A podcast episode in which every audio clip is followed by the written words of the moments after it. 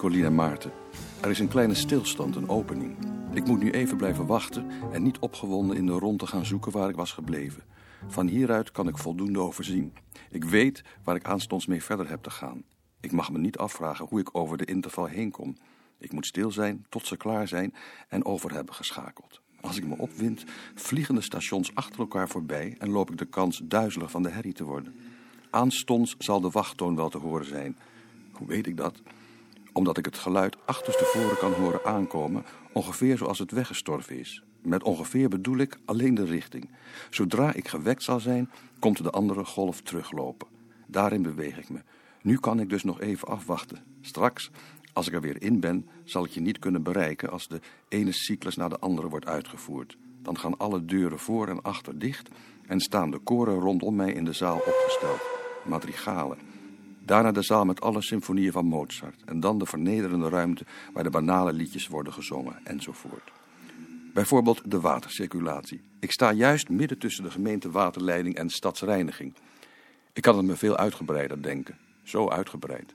Laat ik het niet wagen. Nee, ik laat me niet misleiden. Ik ben verplicht het licht aan te doen en naar de verschrikkelijke trekker van de wc te grijpen. Ik grijp wel hoger, maar dat is nog veel te dichtbij. Ik heb te zorgen voor de doorstroming, want pas op, wanneer dat voorgoed gedaan is. Ja, ze hebben wat uitgevonden en ze zijn sterk, maar ik blijf zoveel mogelijk in dezelfde houding om het zo lang mogelijk vol te houden. De getallen ben ik tenslotte ook te boven gekomen. Zeker, ze zullen straks met een nieuwe voorraadreeks komen. 2, 4, 8, 16, 32, 64, 128, 256, 512... 1014, 2028, 4056, 8112. Ik geloof het verder wel. Ik kan het al aardig, maar nu hoeft het niet. Ze willen me natuurlijk over de grens hebben. Elke keer als ik er vlak voor sta, schrik ik me een ongeluk, paniek. Dus dan me weer van vooraf aan en eindelijk in een nieuwe reeks. Het is waar, als ik er eenmaal overheen zal zijn, kan ik eindeloos doorgaan. Ik weet dat de rekenmachine met het grootste aantal mogelijkheden met slechts twee impulsen werkt. Tweetallig dus. Maar hoe is de houding? Een schrijfhouding. Goed, ze hebben geprobeerd me een interview af te nemen en getracht erachter te komen wat de aanleiding is geweest tot het schrijven van dat wereldberoemde boek dat ook in het Tsjechisch vertaald zou worden. Ze hebben me willen aanzetten tot het schrijven van een tweede verklarend deel, maar het lukte niet hoe ze ook visten. Ik had immers onder een pseudoniem geschreven en terecht, dus ik was onvindbaar. En ik heb geweldig gelachen. Heeft u dat wel meer, meneer Veen? Dan hou ik het niet meer. Hoe verstandig ik ook ben, het is onmogelijk om me in de plooi te houden. Ik vraag maar een glaasje water en als ik het leeg gedronken heb, is het nog gekker geworden, enzovoort. Ik schrijf helemaal op het getij. Daarom heb ik een schematisch overzicht gemaakt van de bewegingen van water en licht en diagrammen samengesteld om mijn tijden en ligging te bepalen. Wat ik ernaast wel allemaal ontdekt heb. Ik ben er aanwezig geweest toen de god Krishna met al zijn armen en zijn benen in zijn cirkel stond gevangen, verstart. Dat hij nog eens de laatste stuiper zal krijgen en bevriest. Dat hij neergegooid zal kunnen worden als een gekromde diepvrieskip op de toonbank. Lees altaar. Te weten welke Leviathan hij is. Hoe ik op mijn woorden moet passen. Ze staan al te dringen, de woorden. Het wordt tijd. Nee, het is nog geen tijd. Het is nog te vroeg. Ik vertrek nog niet. Stel je voor, ze zetten me in beweging. Laten ze niet merken dat ik niet meezing. Dat ik doe alsof ik zing. En aan de rand staat hij daar en houdt een bokkingvel omhoog, zodat ik hem niet kan zien. Mijn schild en de betrouwen, zoveel mogelijk combinaties van het Wilhelmus. Plichtsgetrouw heb ik het gedaan, maar het lukte niet. Anders en overnieuw enzovoort. Ik stop ermee. Ik moet de doorstroming bijhouden. Het mag niet stilstaan. Je weet dat het water voorover kan klappen. Dit wordt aangetoond in de Hamlet-Kerkhof-episode. Maar ik wist het eerder, ongeveer een jaar geleden, datum terug te vinden.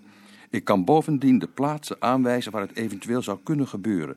De regulatie moet in evenwicht zijn met de middaghoogte vormen als de dienstmacht des heren verschijnt met de zonnebrilstaar. Het is 23 uur 15 nu.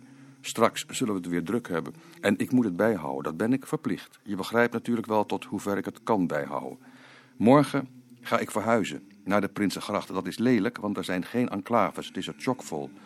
Wat zouden ze willen in hun buizen en leidingen dat ik jullie schreef? Ik heb op tijd deze brief geschreven. Ik moet oppassen en niet verder schrijven. Ik wil het verdedigen. Als het eerst eenmaal maar op de post is, dan is het tenminste buiten bereik. Over de vijandelijke linies achter de censuur. Niet via het Rode Kruis, maar door valsheid in geschriften. De code is de meest eenvoudige, namelijk letterlijk wat er staat. Verdere aanwijzingen zijn misleidend En niet van mij. Ik stop dus op tijd. Vriendelijke, Vriendelijke groeten. Frans. Frans.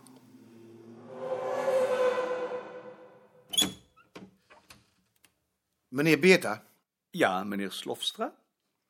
ik ben die drukproeven aan het nakijken, maar er staat iets wat niet kan. Wat is dat dan? U heeft het hier over een bezwangerd meisje. Kijkt u maar. En wat mankeert daaraan? Dat kan niet. De lucht is bezwangerd, maar een meisje niet. Wat vind jij daarvan? Ik vind het een smerig woord en ik begrijp niet hoe dat in uw verder toch beschaafde vocabulaire is doorgedrongen. Dat begrijp ik niet. Ik vind het een heel gewoon woord. Hier, Die passage is uit 1780. Als Neerlandicus zou je toch moeten weten dat juist deze woorden gauw plat worden. En wat moet ik nu doen? wat moet Slofstra dan zetten? Zwanger. Dat kan niet. Dan moet ik de hele zin ombouwen.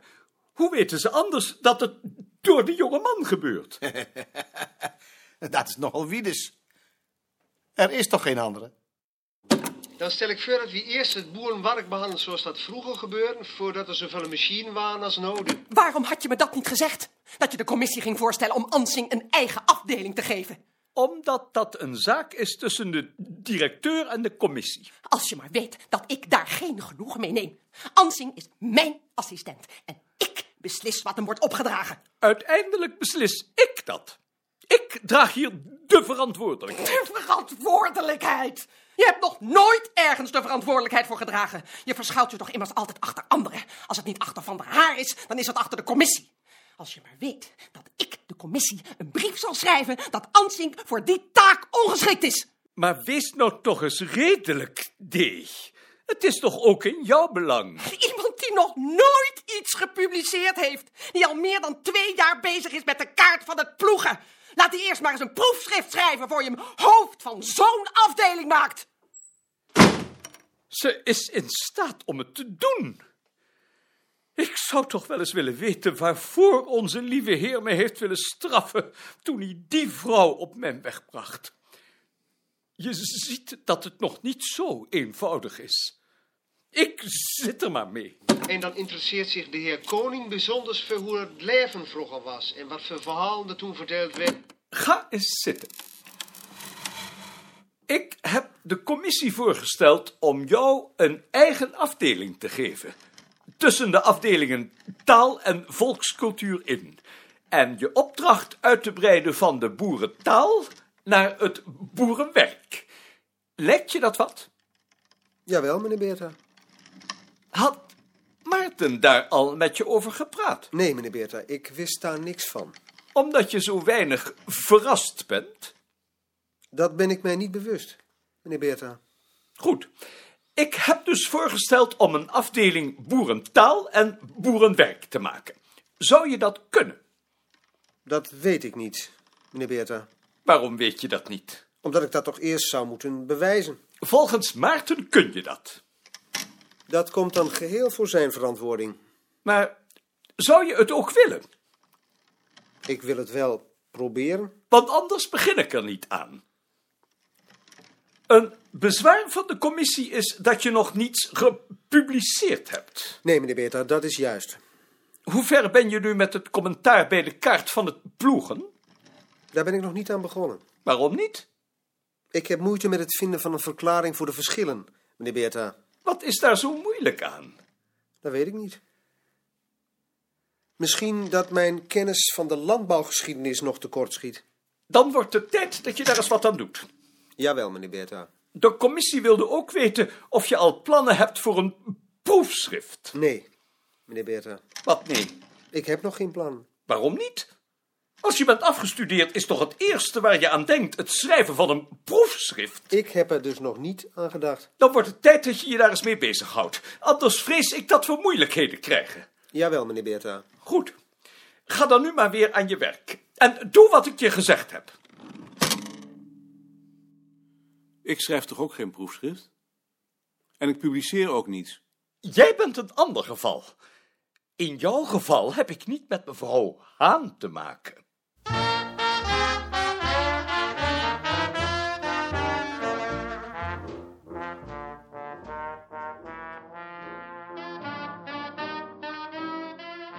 Ik zie niet in waarom je geen proefschrift zou mogen schrijven. Maar je schrijft er geen.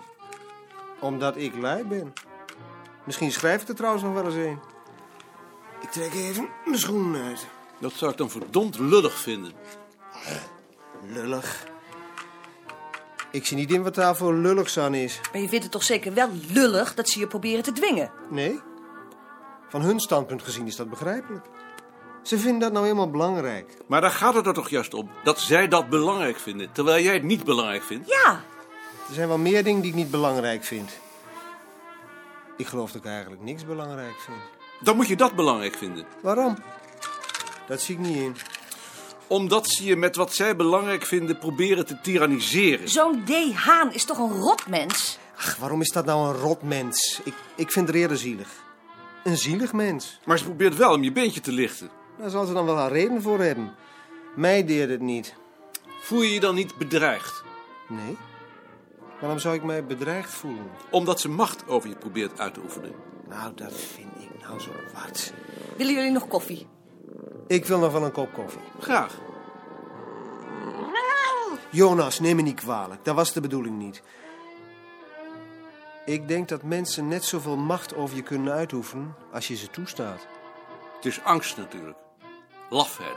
Lafheid zou ik het niet willen noemen. Onmacht dan.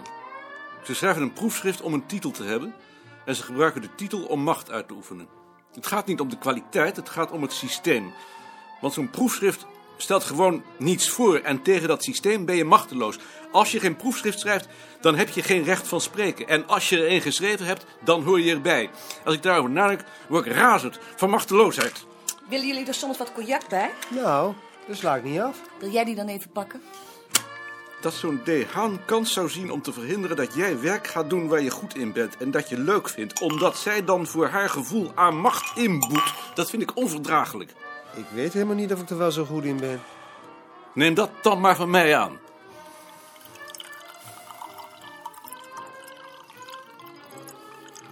Thuis? Precies tot de rand. En ik weet ook niet of ik het wel zo leuk vind. Ja, leuk. Wat is leuk? Leuk vind ik het ook niet. Nou dan. Ik heb gewoon de pest aan mensen die macht willen.